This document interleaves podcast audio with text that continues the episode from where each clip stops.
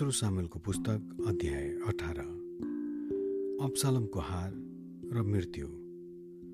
दाउदले आफूसँग भएका मानिसहरूलाई लडाइँको लागि जम्मा गरे अनि हजार हजार र सय सय माथि सेनापतिहरू नियुक्त गरे। त्यसपछि तिनले आफ्नो सेनालाई तीन भागमा विभक्त गरे।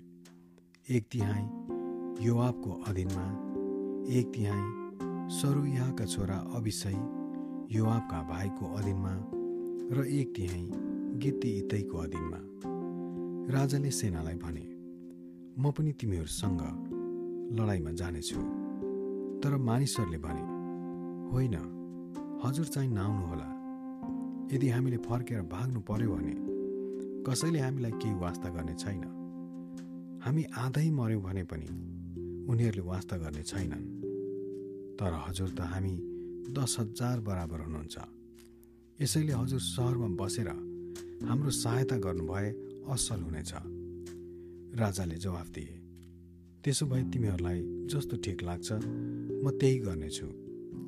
यसैले राजा मूल ढोकाको छेउमा उभिरहे। अनि सेना चाहिँ हजार हजार र सय सयका पङ्क्तिमा तिनकै नजिकबाट हिँडेर गयो। राजाले युवाब अभिषय र इत्तैलाई यो हुकुम गरे। मेरो खातिर त्यस जवान अप्सालमसित नरम व्यवहार गर्नु। अप्सालमलाई जोगाइदिनु भनी राजाले आफ्ना प्रत्येक सेनापतिलाई दिएको हुकुम सबै सेनाले सुने। तब सेना इजरायलीहरूका विरुद्धमा लडाइँ गर्नु गयो अनि लडाइँ एफ्राइमको वनमा भयो। त्यहाँ दाउदका मानिसहरूका सामुन्ने इजरायलीहरू परास्त भए। अनि यति ठुलो संहार भयो कि बिस हजार मानिसहरू त्यस दिन मारिए। लडाइँ चारैतिर फैलियो अनि वनमा नष्ट भएकाहरू तरवारले मर्ने मानिसहरूभन्दा धेरै थिए। अब दाउदका कतिपय मानिसहरूले अब्सालमलाई देखे। तिनी एउटा खच्चरमा चढिरहेका थिए। तर जब त्यो खच्चर एउटा ठुलो फ्लाटको रुखमुनिबाट भएर गयो तब अब्सालमको कपाल हाँगामा अल्झ्यो। तिनी झुन्डिए अनि खच्चर चाहिँ त्यस हाँगा मुनिबाट छिरी गयो। ती मानिसहरू मध्येको एकजनाले त्यो देखेर युवाबलाई यसो भन्यो मैले अफसालमलाई एउटा फलाटको रूपमा झुन्डिएको देखेँ। यो कुरा भन्ने मानिसलाई युवाबले भने तैँले त्यसलाई देखिस्? तैँले त्यसलाई त्यति बेला नै किन बरार गरिनस्? म तँलाई दस चाँदीका सिक्का र एउटा बहादुरीको पटुका दिने थिएँ। तर त्यस मानिसले उत्तर दियो तपाईँले मलाई एक हजार चाँदीका सिक्का दिनुभएको भए तापनि म राजपुत्रको विरुद्धमा हात उठाउने थिइनँ। किनभने जसले त्यस जवान अब्सालमलाई फेला पार्ला त्यसले उसलाई मेरो खातिर जगाइदिनु भनी राजाले तपाईँलाई अभिषय र इतैलाई हुकुम गर्नुभएको हामी सबैले सुनेका थियौँ। अनि मैले मेरो प्राण जोखिममा हाली धोकेबाजी गरेर तिनलाई मारेको भए राजाले तुरन्तै यो कुरा थाहा पाउनुहुन्थ्यो र तपाईँ चाहिँ मदेखि अलग्गै बस्नुहुने थियो। युवाबले भने तसित मेरो समय फाल्न म चाहन्न। तब युवाबले तिनवटा वर्षा लिए र अप्सालम रुखमा त्यसरी जिउँदै झुन्डिरहेको बेलामा तिनको छातीमा रोपिदिए। तब युवाबका हतियार बोक्ने दसजना मानिसहरूले अप्सालमलाई घेरे र तिनलाई प्रहार गरे र मारे। तब युवाबले तुरही बजाए र सेना इजरायललाई खेद्न छोडेर फर्के किनभने युवाबले सेनालाई रोके। तिनीहरूले अब्सालमको लास लगेर वनको एउटा ठुलो खाडलमा फ्याँकिदिए र त्यसमाथि ढुङ्गाको थुप्रो लगाइदिए। यसै बिचमा इजरायलीहरू सबै आआफ्नो घरमा भागेर गए। आफू जिउँदो हुँदा अब्सालमले राजाको बेसीमा एउटा खाँबो लगेर खडा गरेका थिए। किनभने तिनी सोच्थे मेरो नाउँ राख्नलाई मेरो छोरो छैन।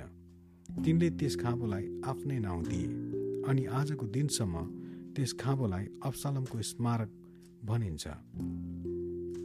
दाउदको बिलाप साधोकका छोरा अहिमासले भने परमप्रभुले राजालाई आफ्ना शत्रुका हातबाट छुटाउनु भयो भन्ने समाचार राजालाई दिन भने मलाई दगुरी जान अनुमति दिनुहोस्। तर युवाबले जवाफ दिए आजको दिन तिमीले समाचार लाने होइन। अर्को दिन तिमीले समाचार लगे हुन्छ तर आज होइन।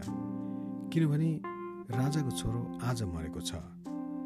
तब युवाबले एउटा कुसीलाई भने तैँले देखेको कुरा गएर राजालाई सुनाइदिए तब त्यस कुसीले निहुरेर युवाबलाई दण्डवट गर्यो र दौडेर गयो। साधोकका छोरा ऐमासले फेरि युवाबलाई बिन्ती गरे।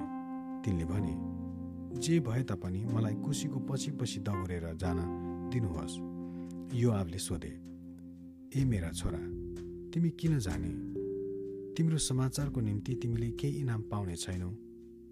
ऐमासले भने जेसुकै होस् म कुदेर जानेछु। युवाबले भने त्यसो भए जाऊ। तब ऐमास एर्दनको मैदानको बाटो भएर कुदे र त्यस कुसीलाई उसिने त्यस बेला दाउद बाहिरी र भित्री मूल ढोकाहरूका बिचमा बसिरहेका थिए।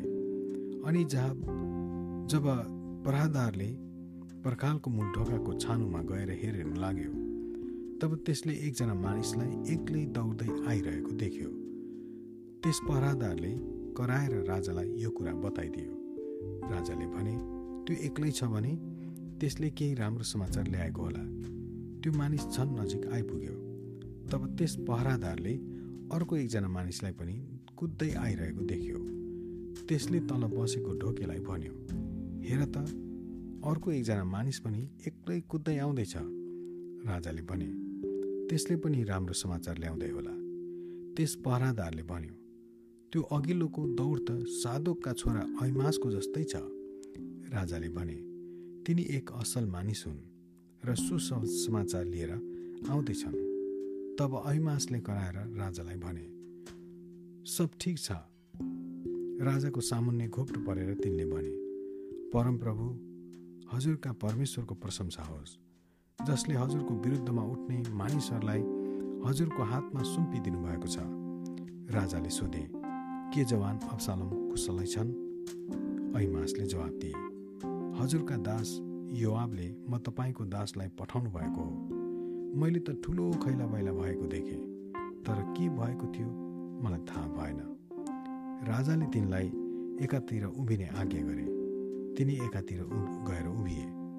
तब त्यस कुसीले आएर भन्यो हजुर समाचार असल छ। हजुरको विरोधमा उठ्ने सबैबाट परमप्रभुले आज तपाईँलाई उद्धार गर्नुभएको छ। राजाले त्यस कुसीलाई सोधे के त्यो जवान मानिस अफसालम कुशलै छ? कुशीले जवाब दियो।